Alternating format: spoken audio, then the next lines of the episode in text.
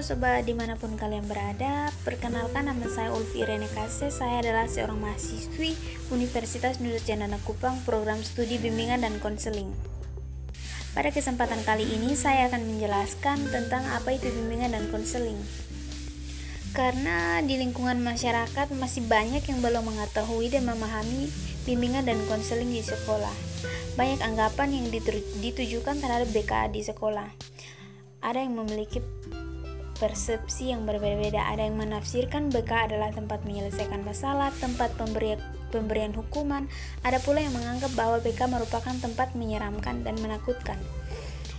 Bahkan bertindak kekerasan secara fisik oleh guru BK sehingga hal tersebut mengklaim dan menimbulkan kesan bahwa guru BK itu adalah polisi sekolah dan anggapan-anggapan tersebut adalah anggapan yang salah yang perlu di benahi dan perlu diperbaiki. Jadi, bimbingan dan konseling itu berasal dari dua kata dasar yaitu bimbingan dan konseling. Bimbingan sendiri adalah bantuan atau pertolongan yang diberikan kepada individu atau sekelompok individu dalam menghindari atau mengatasi kesulitan-kesulitan hidupnya agar individu dapat mencapai kesejahteraan dalam kehidupannya. Sedangkan konseling adalah hubungan pribadi yang dilakukan secara tetap muka antara dua orang dalam mana konselor melalui hubungan itu dengan kemampuan-kemampuan khusus yang dimilikinya. Menyediakan situasi belajar dalam hal ini konseling dibantu untuk memahami diri dirinya sendiri, keadaannya sekarang, dan kemungkinan keadaannya di masa depan. Jadi, bimbingan dan konseling itu jika disederhanakan itu diadakan dalam rangka membantu setiap individu untuk lebih mengenali berbagai informasi tentang dirinya serta mengatasi kesulitan-kesulitan yang dihadapi dalam hidupnya. Jadi peran dan fungsi bimbingan dan konseling itu bertujuan untuk membantu peserta didik agar memiliki kompetensi mengembang, mengembangkan potensi dirinya seoptimal mungkin atau mewujudkan nilai-nilai yang terkandung dalam tugas-tugas perkembangan yang harus dikuasai sebaik mungkin. Ada beberapa tugas dan fungsi guru BK di sekolah yaitu yang pertama, menyusun dan melaksanakan program bimbingan dan konseling yang meliputi waktu kegiatan, metode bimbingan konseling, serta pengolahan data hasil bimbingan dan konseling. Yang kedua yaitu melaksanakan program layanan, bimbingan dan konseling.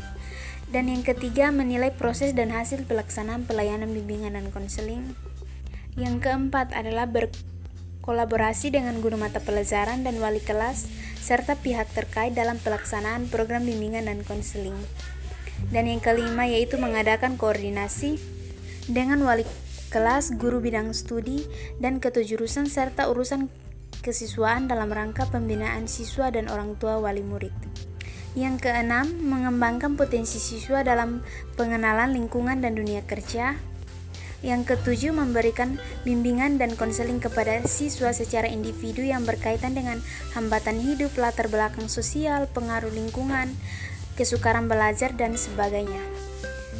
Yang kedelapan yaitu mempertanggungjawabkan pelaksanaan tugas dalam pelayanan bimbingan dan konseling secara menyeluruh kepada koordinator bimbingan dan konseling serta kepala sekolah. Dari beberapa peran dan fungsi yang sudah dijelaskan tadi, bimbingan dan konseling sangat dibutuhkan dan diperlukan di sekolah, yaitu untuk membantu peserta didik untuk mencapai suatu perkembangan yang lebih optimal, dan juga berperan untuk membantu siswa-siswi yang mengalami kesulitan dalam proses belajarnya agar tidak ada hambatan yang dialaminya. Baik, mungkin ini adalah sedikit penjelasan dari saya. Semoga bermanfaat. Terima kasih. thank you